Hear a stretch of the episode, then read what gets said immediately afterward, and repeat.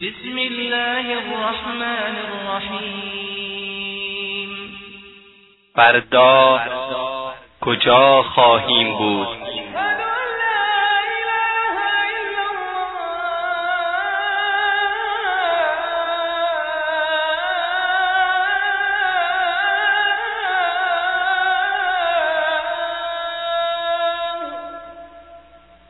تفسیر سوره قاف.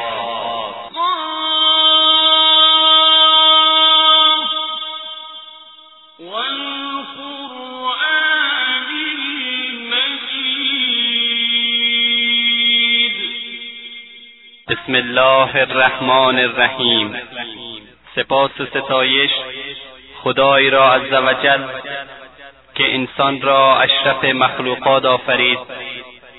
و با فرستادن پیامبران و کتب آسمانی او را به راه راست و سعادت و کامیابی هدایت نمود.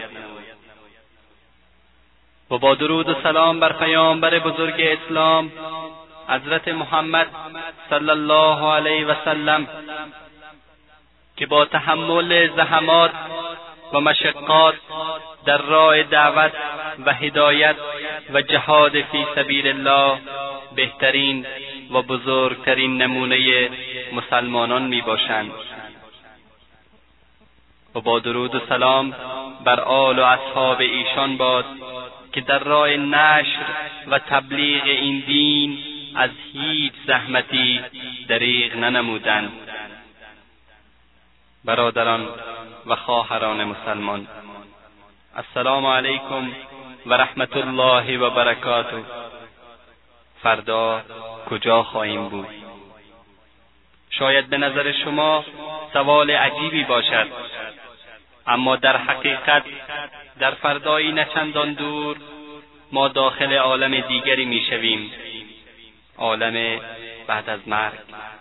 چون سوره قاف و آیات مبارکه آن بیشتر حالات آن دنیا را بیان می کند و درباره فضیلت این سوره مبارک از هم شام بنت حارس روایت است که می‌گوید من سوره قاف را از زبان پیامبر صلی الله علیه و سلم حفظ نمودم. چرا که آنها این سوره مبارک را هر روز جمعه تلاوت و تفسیر می نمودند و ما اکنون می‌خواهیم این سوره مبارک را برایتان تفسیر و ترجمه نماییم. سوره که پیامبر بزرگ اسلام صلی الله علیه و سلم آن را در هر روز جمعه تلاوت و تفسیر می نمودند. این سوره مبارک مشتمل بر پیدایش خلق و مرگ و قیامت و حشر و حساب می باشد همچنان در این سوره توجه خاصی به وعظ و ارشاد و نصیحت و ترغیب و ترهیب شده است یکی از علما در مورد این سوره میفرماید این سوره سوره بزرگی است و در آن وقایع بزرگی ذکر گردیده است و انسان را وادار به این می‌سازد که درباره زندگی و حالات خود فکر نماید و ظاهر و باطن خیش را یکسان بسازد و خدای خود را همیشه حاضر و ناظر و نگهبان بپندارد. این سوره همچنان مراحل خلقت انسان را از شروع خلقت تا جوانی و کهولت و مرگ و حشر و حساب بیان می نماید و هدف اساسی این سوره مبارک این است که ای مسلمانان به یاد داشته باشید که نفس انسان زیر مراقبت خداوند می باشد و هر حرکتی که انسان می نماید از خدای او پوشیده نیست.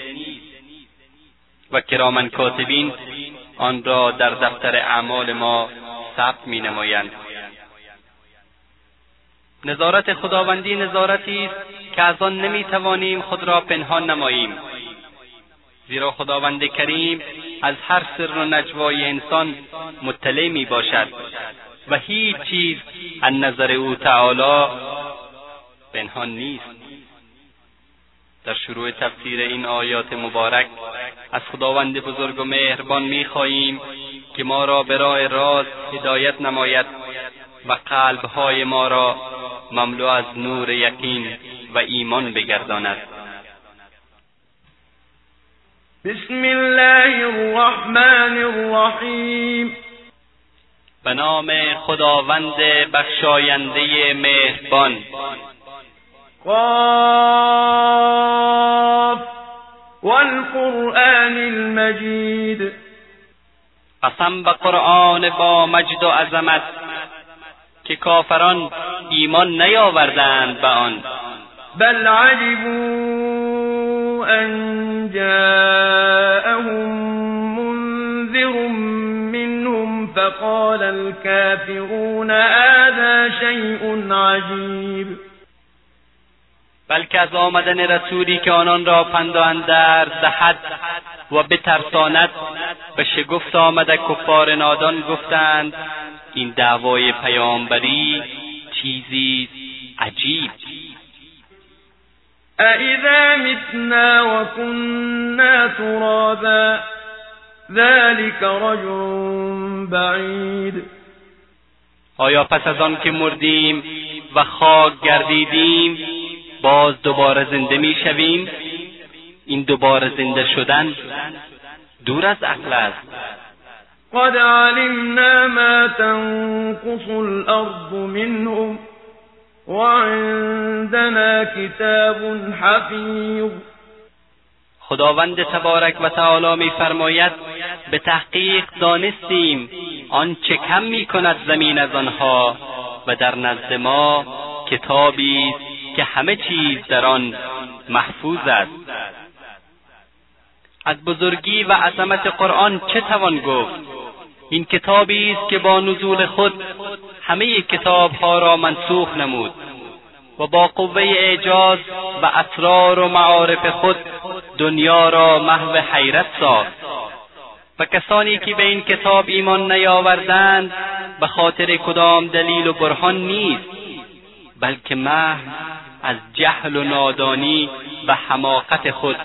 بر این واقع بزرگ تحجب می کنند بل كذبوا بالحق لما جاءهم فهم في امر مریج بلکه کافران چون پیام برآمد به جای ایمان آوردن تکذیب کردند و در کاری بزرگ مضطرب و سرگردان ماندند کار آنها محض تعجب نیست بلکه تکذیب آشکار است.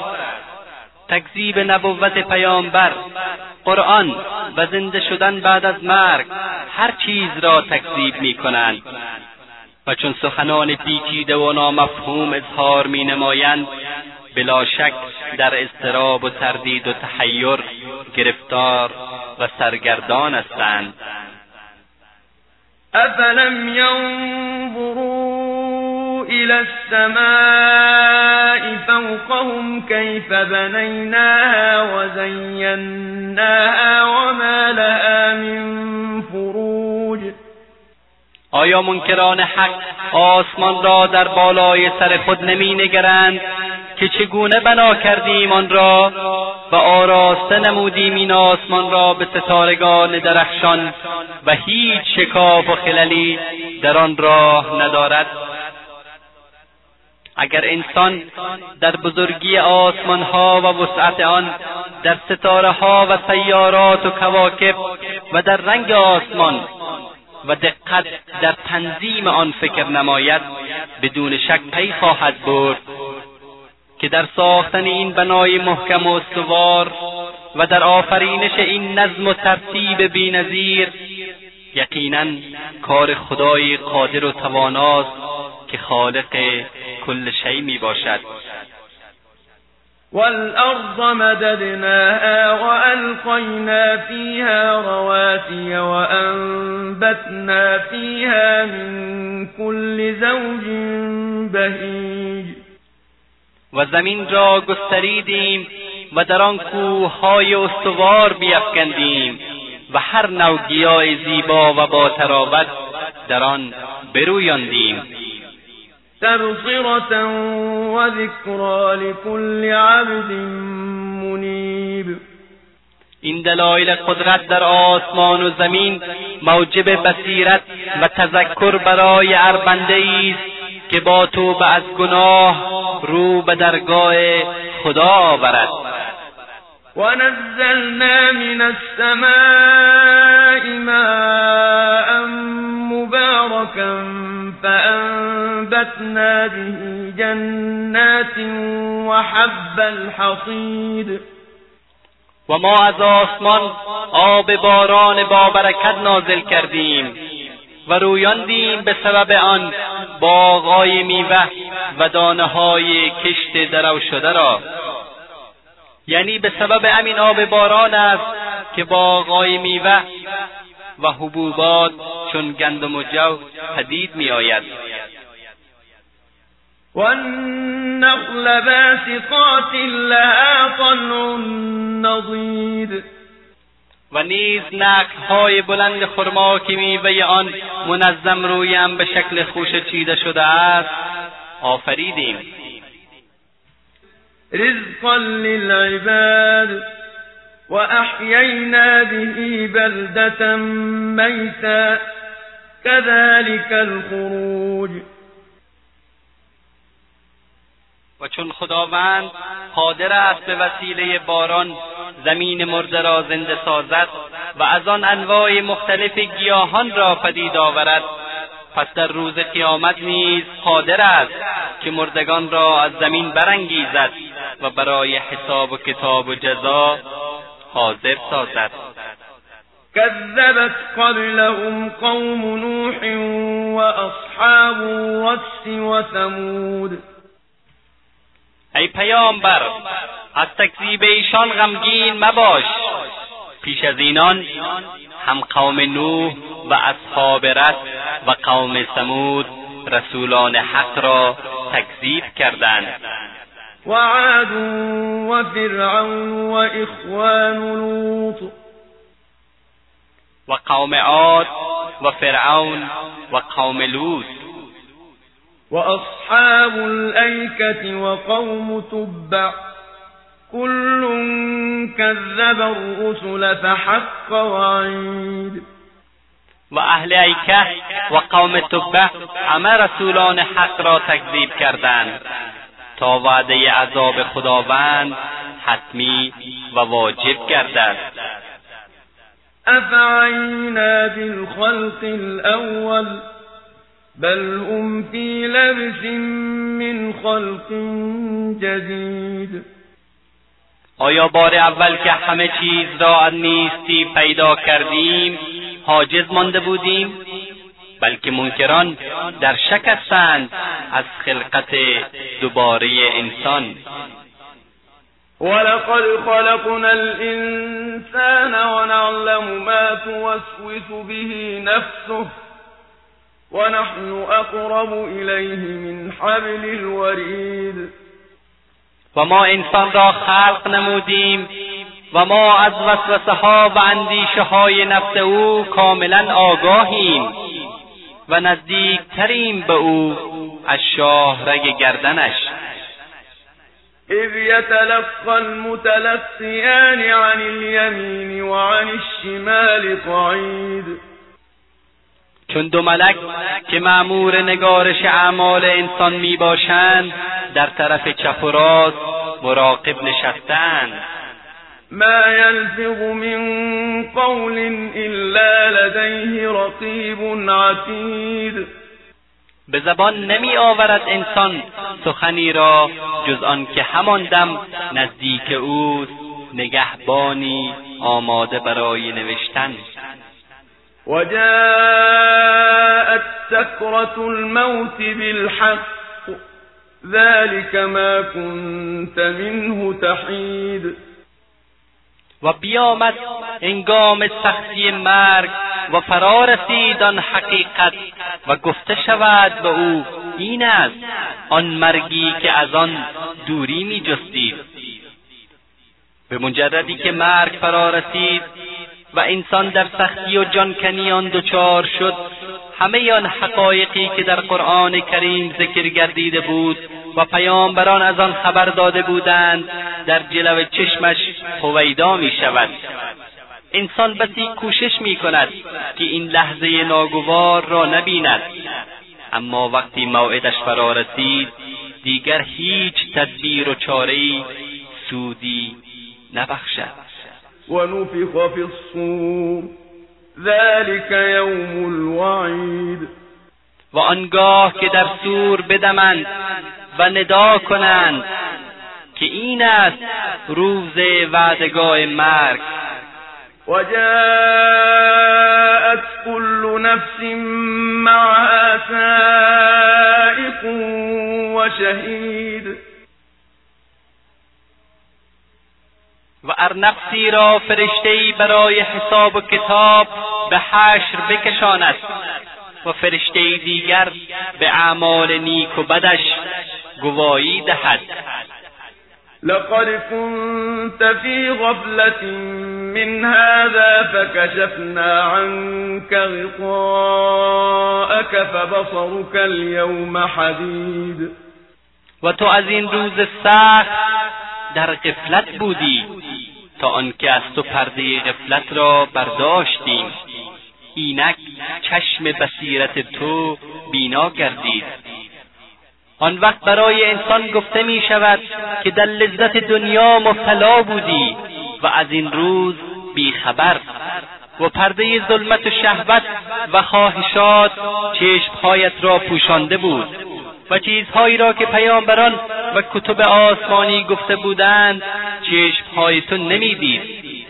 اینک از جلو چشم تو آن پرده را برداشتیم.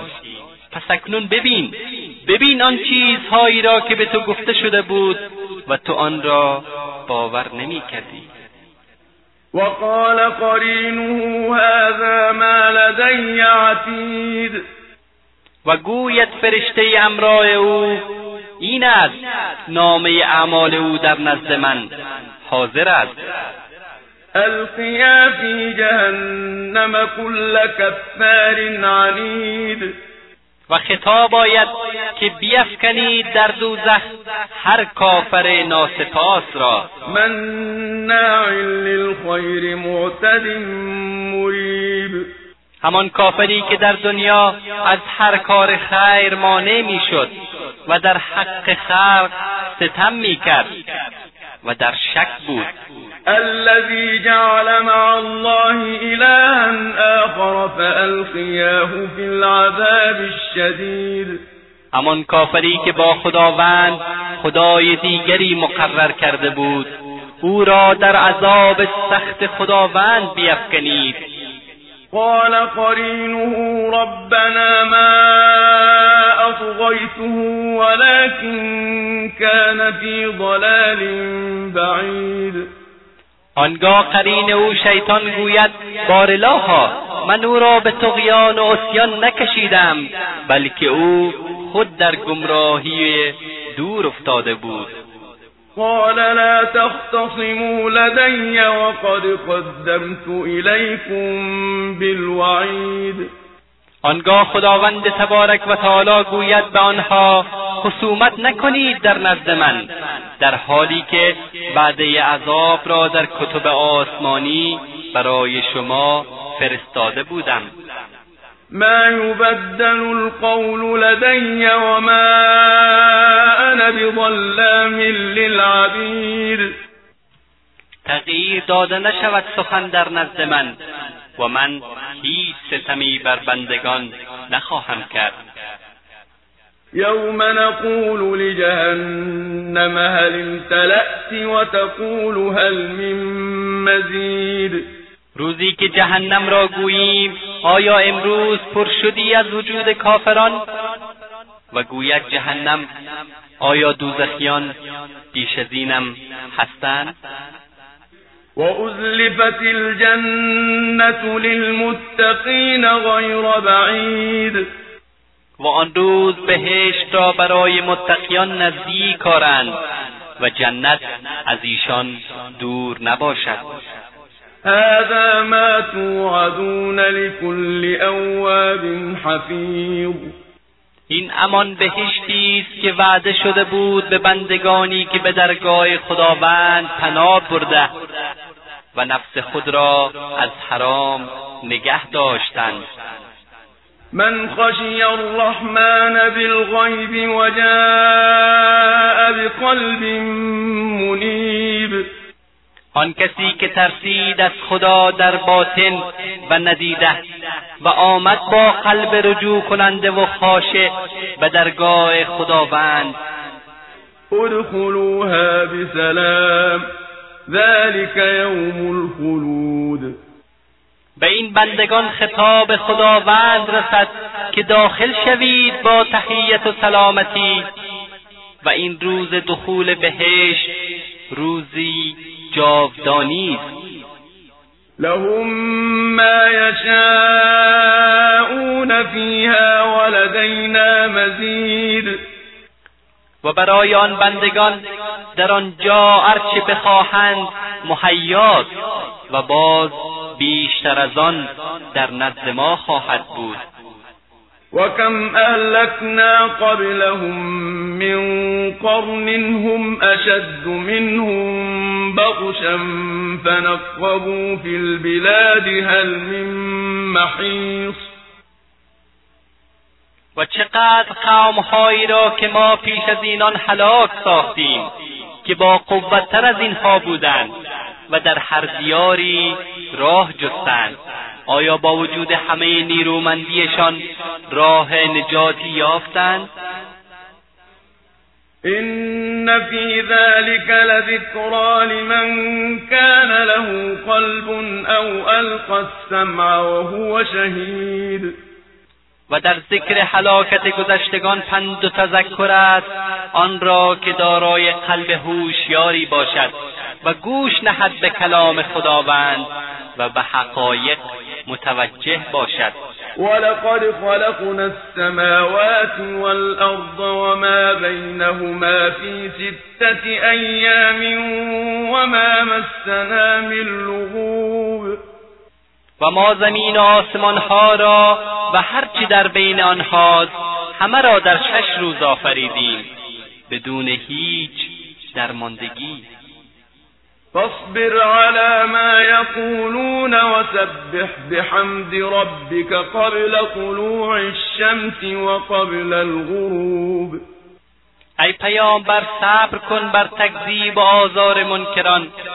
و به حمد و ستایش خدا تسبیح گوی او را پیش از طلوع آفتاب و قبل از غروب آن و باز در بعضی از اوقات شب. ومن الليل فسبحه وأدبار السجود.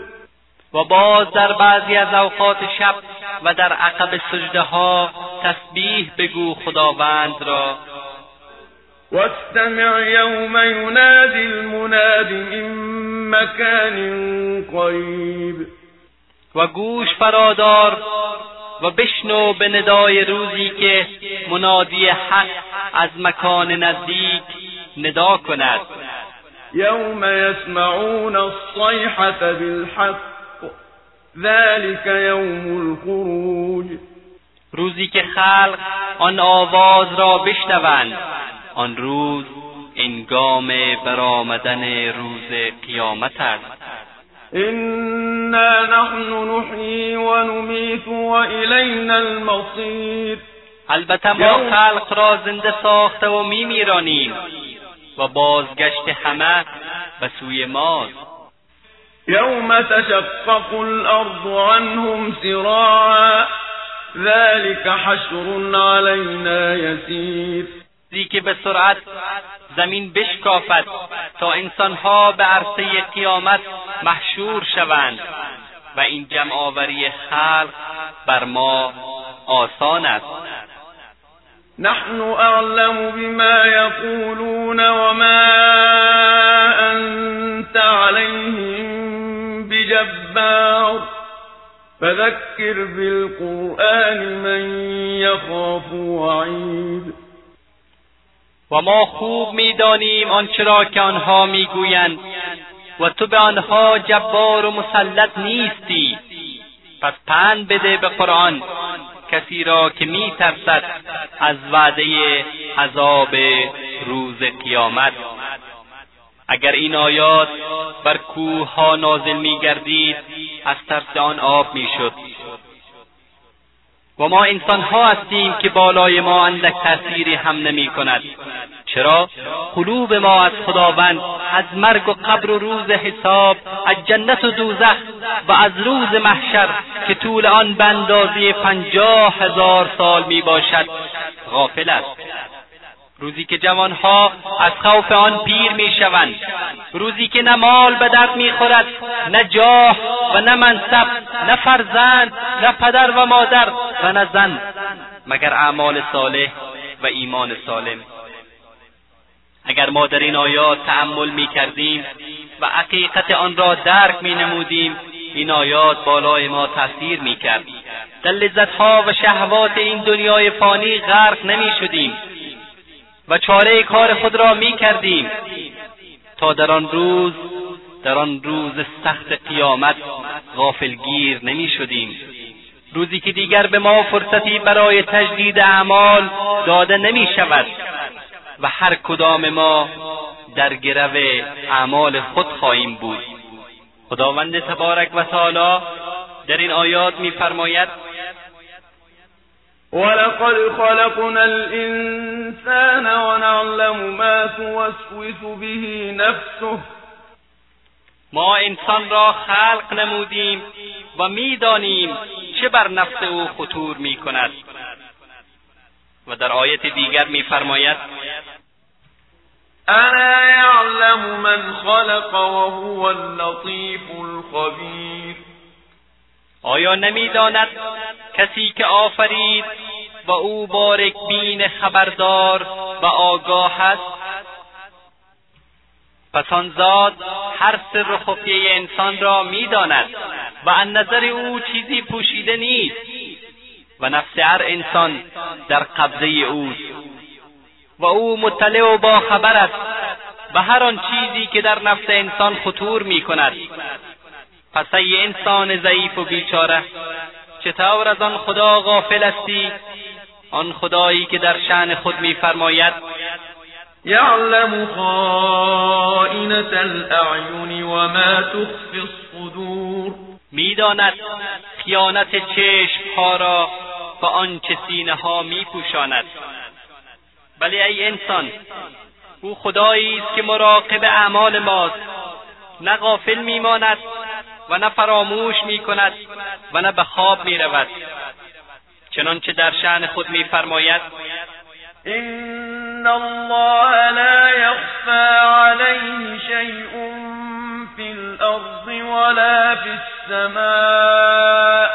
یقینا هیچ چیزی پوشیده نیست از خداوند نه در زمین و نه در آسمان ها و همچنان در قصه لقمان حکیم که به پسر خود نصیحت نمود میفرماید يا بني إنها إن تك مثقال حبة من خردل فتكن في صخرة أو في السماوات أو في الأرض يأت بها الله. إن الله لطيف خبير. أي پسر من؟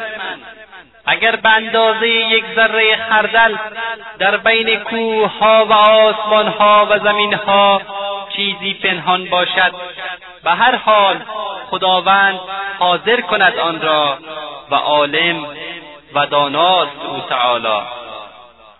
پس ای برادر مسلمان و ای خواهر مؤمن همیشه به یاد داشته باش که تو در زیر مراقبت خدایی هستی که جبار زمین ها و آسمان هاست آن ذاتی که مقدار یک ذرم از نظر او تعالی پوشیده نیست. او پروردگاری است که در هر جا که باشی به همراه تو می باشد چنانچه میفرماید و هو معکم اینما کنتم. او با شماست هر جا که باشید. پس ما هیچ وقت از نگاه او پنهان شدن نمی‌توانیم.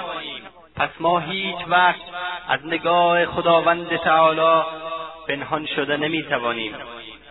آری ما خود را از نگاه مردم پنهان می‌کنیم و مرتکب گناه و معصیت می‌شویم.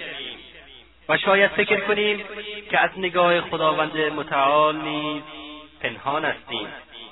مگر هرگز و هرگز نمی شود که از نگاه خداوند متعال فرار نمود و پنهان گردید.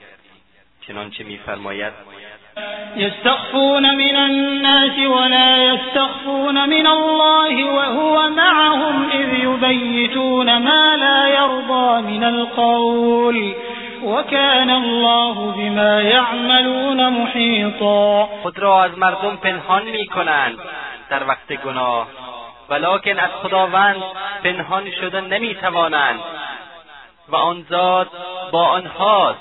وقتی که در تاریکی شب پنهان شده و می‌گویند آنچه را که خداوند راضی نمی باشد و خداوند به آنچه آنها می‌کنند در برگیرنده است. در بعضی از آثار آمده که وقتی انسان در خفا گناهی را انجام می‌دهد خداوند متعال برایش می‌گوید ای بنده من ای بنده من آیا مرا کمترین بیننده فکر کردی؟ وقتی که در تاریکی شب شیطان تو را به گناه دعوت داد پس خداوندی را که ناظر توست در نظر بگیر و برایش بگو که آن ذاتی که تاریکی شب را آفریده مرا در تاریکی شب هم می‌تواند که ببیند. بله ای خواهر و برادر مسلمان وقتی که از انظار مردم پنهان می‌شویم فکر نکنیم که از نظر خداوند قادر و توانا هم می‌توانیم پنهان شویم. پس ای مؤمنان به یاد داشته باشید که از مراقبت خداوند در هیچ حال و در هیچ صورتی خلاصی ندارید. و علاوه بر مراقبت آن ذات دو ملائکه دیگر هم رقیب و شاهد حال و کردار انسان هستند که آنها را کرامن کاتبین مینامند. خداوند تبارک و تعالی در شعن آنها میفرماید إذ يتلقى المتلقيان عن اليمين وعن الشمال قعيد. ما يلفظ من قول إلا لديه رقيب عتيد. آنگاه که فرا گیرند و ملک به پهلوی راست و چپ نشسته به زبان نمی آورد آدمی هیچ سخنی را مگر نزدیک او نگهبانی آماده برای نوشتن. این دو ملک که یکی در سمت راست و دیگری در سمت چپ همیشه آماده درج اعمال ما هستند که یکی آنها اعمال نیک و دیگری گناهان ما را می نویسند امام حسن بصری رحمت الله علیه میفرماید ای بنی آدم به یاد داشته باش که خداوند برای مراقبت تو دو ملک را موکل ساخته که یکی آنها حسنات تو را درک می نمایند و دیگری آن گناهان تو را. پس آنچه می‌خواهی بکن. این دو ملک گواهی دهنده تو هستند در روز قیامت. این دو ملک هر آنچه را می نویسند در روز قیامت برای انسان پیش می نمایند. خداوند متعال در این باره می فرماید. وكل إنسان ألزمناه طائره في عنقه ونخرج له يوم القيامة كتابا يلقاه منشورا اقرأ كتابك كفى بنفسك اليوم عليك حسيبا. و بر هر انسان توق گردن او ساختیم نامه اعمال او را که همیشه امرای او باشد.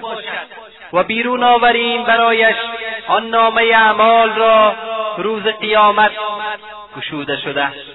خطاب رسد به او بخوان بخوان نامه اعمالت را و کافی نفس تو که رسیدگی کند به حساب خود. ای مسلمانان از آن روز در حذر باشید که این نوشته ها کارنامه و گواهی دهنده اعمال شما خواهد شد و زمینی که شما بر روی آن قدم می‌گذارید در آن روز گواهی دهنده اعمال شما می باشد بلکه هر عضو از اعضای جسم شما بر هر عمل شما گواهی می دهد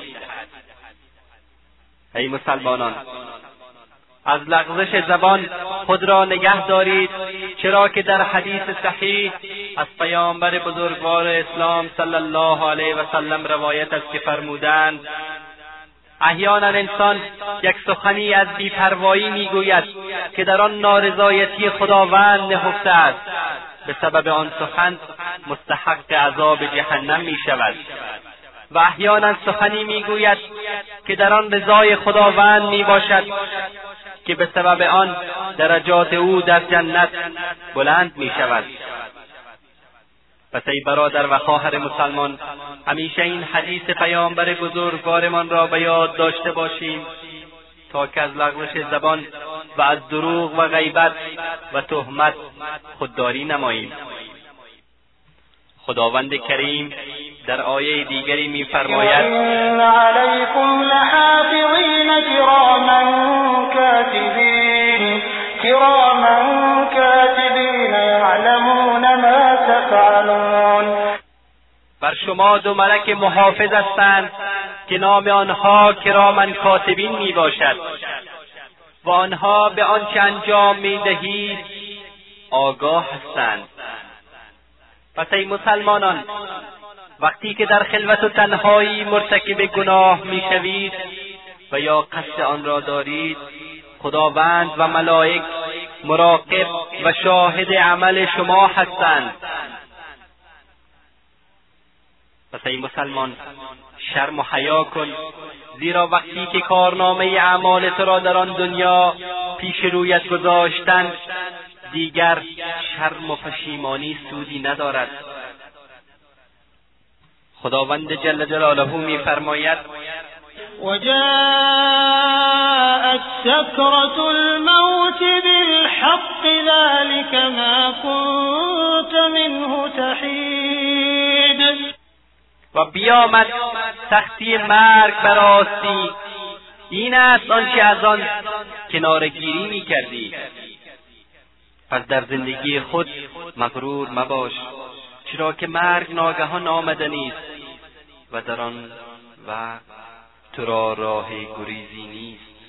اذا جاء اجلهم فلا يستأخرون ساعة يستقدمون چون فرا رسد میعاد اجلشان تأخیر شده نمی‌تواند ساعتی و نه مقدم شده می‌تواند. یعنی ساعتی دیر و زود نگردد. ای مسلمانان مرگ چیزی یقینی و حتما آمدنی. هیچ کس نمی‌تواند از آن نجات بیابد. مرگ ترساننده دلها و گریان دهنده چشمها و جدا کننده دوستان و نابود کننده لذتها می باشد آیا در آن روز فکر کرده ای که از هم جدا می شویم و در زیر سنگ ها و خاک ها ما را می‌گذارند و از مالی که در دنیا جمع کرده ایم غیر از کفن چیز دیگری نمی‌توانیم با خود ببریم. بله ای عزیزان به جنت کسی داخل می شود که مرگ را همیشه به یاد داشته باشد و برای رضای خداوند کوشش نماید.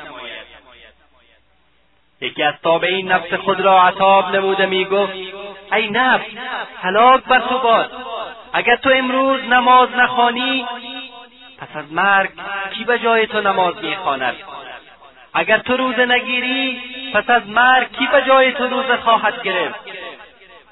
و اگر تو خدای خود را راضی نسازی پس از مرگ چی کسی خدای تو را از تو راضی می‌سازد؟ برادر و خواهر مسلمان هر جا که باشیم مرگ به دنبال ما می باشد و خاک و سنگ فراش ما و قبر خانه ما و کرمها هم اتاق ما و در آن شب و روز تاریک و در آن تنگی و درماندگی منتظر روز رستاخیز خواهیم بود.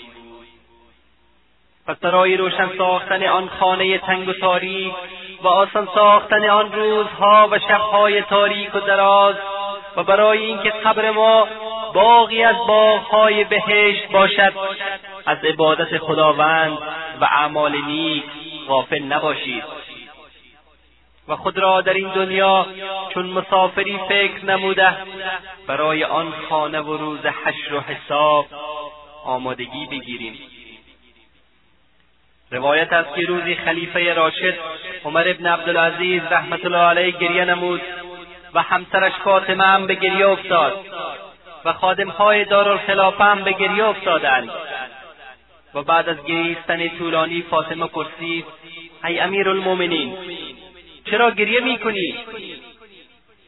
گفت به یاد آن روزی افتادم که همه مخلوقات در حضور خداوند حاضر می‌شوند و خداوند یک گروه را به جنت میفرستد و یک گروه دیگر را به دوزخ و من نمی‌دانم که از کدام گروه می باشم و از خوف آن روز به گریه افتادم. روایت دیگری از امام ابو حنیفه رحمت الله علیه ثابت است که شبی بعد از نماز عشا به خواندن نماز شروع نمود و وقتی به این آیت رسید بل الساعة موعدهم والساعة ادها و امر بلکه قیامت وعدگاه ایشان است و قیامت سختتر و تلختر است تا صبح این آیت را تکرار نموده و گریه می‌کرد. و در روایت دیگری از محمد بن منکد رحمت الله علیه ثابت است که شبی نماز می‌خواند و وقتی به این آیت رسید وبدا لهم من الله ما لم يكونوا يحتسبون و ظاهر شد در روز قیامت برای ایشان از جانب خداوند آنچه را که گمان نمی‌کردند. از شدت تاثیر آن آنقدر گریه نمود که اهلش فکر کردند که علاق شده است. و روایت دیگری از یک انسان صالح ثابت است که شبی برای نماز ایستاده شد. و وقتی به این آیت رسید ام حسب الذين اجترحوا السيئات ان نجعلهم كالذين آمنوا وعملوا الصالحات سواء محياهم ومماتهم ساء ما يحكمون. آیا آنانی که مرتکب اعمال بد و زشت شدهاند گمان کردند که بگردانیم رتبه آنها را مانند کسانی که ایمان آوردند و اعمال نیک انجام دادند. مرگ و زندگی آنها یکسان است. حکم آنها اندیشه بد و باطل است. تا صبح این آیت را تکرار نموده و گریان می نمود ولی ای مسلمانان مرگ حتما آمدنید و سکرات یعنی سختی و بیهوشی مرگ خیلی سخت است. حتی که پیامبر اسلام صلی الله علیه و سلم در وقت رحلت از این جهان آب سرد نزد خود گذاشته و به پیشانی مبارک خود محض می نمودند و می گفتند این للموت لسکره مرگ را سکرات است. اگر این حالت سید خلق حضرت محمد صلی الله علیه و سلم در وقت مرگ باشد پس حال من و تو در آن وقت چطور خواهد بود که شب و روز ما از گناه خالی نمی باشد. درباره سکرات مرگ بعضی از بزرگان میفرمایند که مرگ از زدن به شمشیر و از بریدن اره آهنی و از قیچی کردن سختتر و دردناکتر است. مسلمانان بعد از مرگ و سکرات آن اولین خانه انسان قبر است و قبر اولین منزل انسان می باشد به سوی آخرت. از عثمان رضی الله تعالی عنه روایت است که ایشان در وقت ذکر جنت و دوزخ گریه می نمودند. ولیکن در وقت ذکر قبر به شدت می گریستند و می گفتند که قبر اولین منزل از منازل آخرت است. کسی که از این نجات یافت از دیگر منازل آخرت هم نجات مییابد. و کسی که از این نجات نیافت از دیگر منازل آخرت هم نجات نخواهد یافت. و بعد از آن مرحله دمیدن در سور و حش و مقابله خداوند و حساب و کتاب است. خداوند قادر و توانا میفرماید الا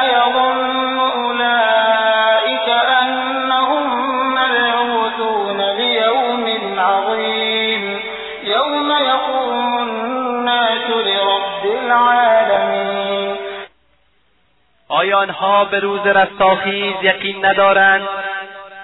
روزی که در آن برانگیخته می‌شوند در آن روز بزرگ روزی که مردمان در حضور پروردگار برای حساب و کتاب می و پیامبر خدا صلی الله علیه و سلم در وصف آن روز میفرمایند در روز قیامت آفتاب به مقدار یک میل به سر مردمان نزدیک می شود و مردم را حرق غرق می کند کسی است که عرق تا بجلک های اوست و کسی است که عرق تا زانوهایش می باشد و کسی است که عرق تا سینه اوست و کسی است که عرق تا گوشهایش می باشد و کسی است که عرق او را غرق می کند خداوند قادر و توانا در وصف آن روز میفرماید یوم ینفخ فی الصور فتأتون أفواجا. وقتی که در سور دمیده شد دسته دسته میآیند. فإذا نفر في الناقور فذلك يومئذ يوم عسير. على الكافرين غير يسير. وقتی که در سور دمیده شد آن روز خیلی روز سخت و بر کافران آسان نیست. ويقولون متى هذا الوعد إن كنتم صادقين؟ ما ينظرون إلا صيحة واحدة تأخذهم وهم يخصمون و کافران به مسخرگی گویند که این وعده قیامت و دوزخ و بهشت کی خواهد بود اگر که راست می‌گویید. و این منکران انتظار نکشند مگر یک آواز سخت را که بگیرد ایشان را. در حالی که ایشان در معاملات خود خصومت می‌کنند. و همچنان در جای دیگر میفرماید فإذا نفخ في الصور فلا أنساب بينهم يومئذ ولا يتساءلون پس آنگاه که نفخه سور قیامت دمیده شود دیگر نسب و خیشی در میان نماند و کسی از کسی دیگر حال نپرسد. پس آن روز روزی است که آسمان و زمین به حال خود نمیماند و آفتاب و محتاب و ستاره های درخشان به این صورت نمیمانند. روزی است که هر نقطه زمین شهادت می‌دهد که فلان شخص در فلان روز فلان گناهی را بر سر من کرده بود. آن روز روز بزرگی است که توجه نمایید قرآن کریم در وصف آن چه میفرماید. يا أيها الناس اتقوا ربكم إن زلزلة الساعة شيء عظيم. يوم ترونها تذهل كل مرضعة عما أرضعت وتضع كل ذات حمل حملها وترى الناس سكارى. وترى الناس سكارى وما هم بسكارى ولكن عذاب الله شديد. ای انسان ها بترسید از پروردگارتان زلزله روز قیامت واقعه سختی و بزرگی خواهد بود. چون انگامه آن روز را مشاهده کنند ارزن شیرده طفل خود را فراموش کند و هر زن عامله بیندازد طفل خود را از خوف آن روز. و ببینی انسانها را در آن روز در آلت نیشه در حالی که آنها نیشه نیستند بلکه عذاب خداوند سخت و شدید است. و خداوند قادر و توانا در جای دیگر میفرماید یوم یفر المرء من اخیه و امه و ابیه و صاحبته و بنیه. روزی که از حول و خوف آن روز هر کس از برادرش میگریزد بلکه از مادر و پدرش و از زن و فرزند هم میگریزد. و در آیه دیگری در وصف طول آن روز میفرماید فی یوم کان مقداره خمسین الف سنه مقدار طول آن روز به اندازه پنجاه هزار سال ما می باشد و پیامبر اسلام صلی الله علیه و سلم در وصف آن روز فرمودند آن روز وقتی جهنم را میافروزند همه ملاحک و پیامبران به زانوهای خویش از خوف افتاده و نفسی نفسی می‌گویند. در آن روز ملائک عدهای از انسانها را به روی می‌کشند و به طرف دوزخ می‌برند و به آن انسانها می‌گویند که چطور به شما رحم کنیم. در حالی که خدای ارحم الراحمین به شما رحم نکرده است. در آن روز وقتی خداوند به ملائک امر صادر می کند که خودو بگیرید هفتاد هزار ملائکه یک مرتبه برای اجرای امر خداوند ایستاده می‌شوند. و هر کدام آنها تنها به یک بال خود هفتاد هزار انسان را می‌توانند به دوزخ بیاندازند وای بر تو ای آسی گنهکار ای متکبر مغرور وای در آن روز که خداوند که مالک روز جزاست میفرماید خذوه فغلوه ثم الجحیم صلوه ثم في سلسلة ذرها سبعون ذراعا فاسلكوه گفته می شود از طرف خداوند بگیرید او را.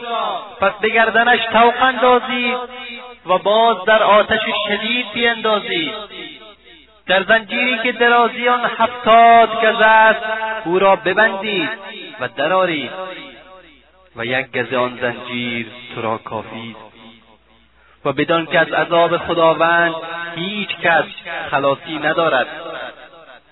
در آن روز ابلیس علیه لعنه براعت خود را از تمام مخلوقات اعلان نموده می‌گوید خداوند به شما وعده راستین داده بود لیکن شما خلاف رای او عمل نمودید. و من شما را وعده دروغین داده بودم و شما از من پیروی کردید. پس شما خود را ملامت نمایید و مرا ملامت نکنید. در آن روز ندامت و پشیمانی سودی نمی بخشد مگر آنکه در دنیا اعلان ندامت کرده و از گناهان خیش پشیمان شده باشد و در شبهای تاریک از ترس خداوند توبه نموده و رخسار خود را از گریه گرم پرآب ساخته باشد. چرا که کسی که اشکش از ترس خدا بریزد هرگز به دوزخ برده نمی شود و بعد از مرحله حشر و حساب مسیر هر انسان تعیین می شود. یا به طرف جنت و یا به طرف دوزخ.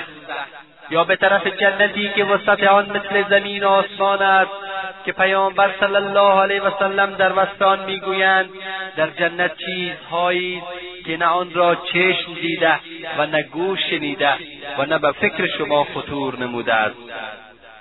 و یا دوزخی که عمق آن اندازه ندارد. و آتش آن سوزان و تاریک و سیاه می باشد. و در آن روز خداوند جل جلاله خطاب به جهنم میفرماید یوم نقول لجهنم هل امتلأت وتقول هل من مزید. روزی که جهنم را گوییم آیا مملو از کافران شدی؟ گوید آیا بیش از اینم هستند؟ و در وصف آن پیامبر اسلام صلی الله علیه و سلم فرمودند که جهنم دارای هفتاد هزار شاخه می باشد و هر شاخه آن را هفتاد هزار ملائکه می‌کشند و تعام اهل جهنم. به همین اکتفا می نماییم که خداوند کریم میفرماید ولا طعام الا من غسلین. لا یأکله الا الخاطئون. نیست او را هیچ خوردنی مگر غساله زخمها یعنی زرداب زخمها. که نمی‌خورد آن را مگر خطاکاران. خوشا به حال آنانی که با اعمال نیک و با ترس از خداوند و عذاب روز آخرت مستحق جنت میگردند. پیامبر صلی الله علیه و سلم درباره اهل جنت فرمودند اهل جنت کسانی هستند که به طرف خدا رجوع کننده هستند و محافظ حدود خداوند باشند. و از خداوند در هر سر آشکاری بترسند و قلبهای صاف و پاک داشته باشند. درباره مراتب اهل جنت می‌گویند که پایین ترین درجه جنت را اگر صد سال راه بروند طی کردن نمی‌توانند. و علاترین مرتبه در درجه پیامبران علیهم السلام می باشد اهل جنت کسانی هستند که روزی دوبار با چهره خداوند جل جلاله دیدار می کنند و بزرگترین نعمت در جنت نظر نبودن به طرف خداوند جل جلاله می باشد و نیز خداوند در وصف اهل جنت میفرماید هم وأزواجهم في ظلال على الأرائك متكئون لهم فيها فاكهة ولهم ما يدعون. سلام قولا من رب رحیم آنها با زنان خود در سایه درختان بهشت بر تختها تکیه زدهاند. برای آنها میوههای گوناگون و هر چه خواهند آماده هست. و بر آنان از خداوند تحیت سلام است. و نیز میفرماید والملائکة یدخلون علیهم من كل باب. سلام علیکم بما صبرتم فنعم عقب الدار. و فرشتگان برای تهنیت آنها از هر دری داخل شوند و گویند سلام بر شما که در عبادت خداوند و در رنجهای دنیا صبر پیشه نمودید و عاقبت منزلگه نیکو یافتید. آری این پاداش کسانی است که در این دنیا از صبر و شکیبایی کار گرفته و در تمام امور خویش به خداوند جل جلاله توکل نموده و اکنون مستحق این نعمتها گردیدند. در روز قیامت مرگ را به شکل گوسفندی در بین جنت و دوزخ ذبح می نمایند و برای هر یک از اهل جنت و دوزخ گفته می شود که زندگی شما جاودان است و بعد از این مردن نیست. هرچه در این کتاب عظیم و عجیب بیشتر غور می کنیم بیشتر جانمان به پرواز می آید و متحیر می شویم خدای من ارآیه قرآنت لمعه لمعه نور است و هدایت و سعادت است.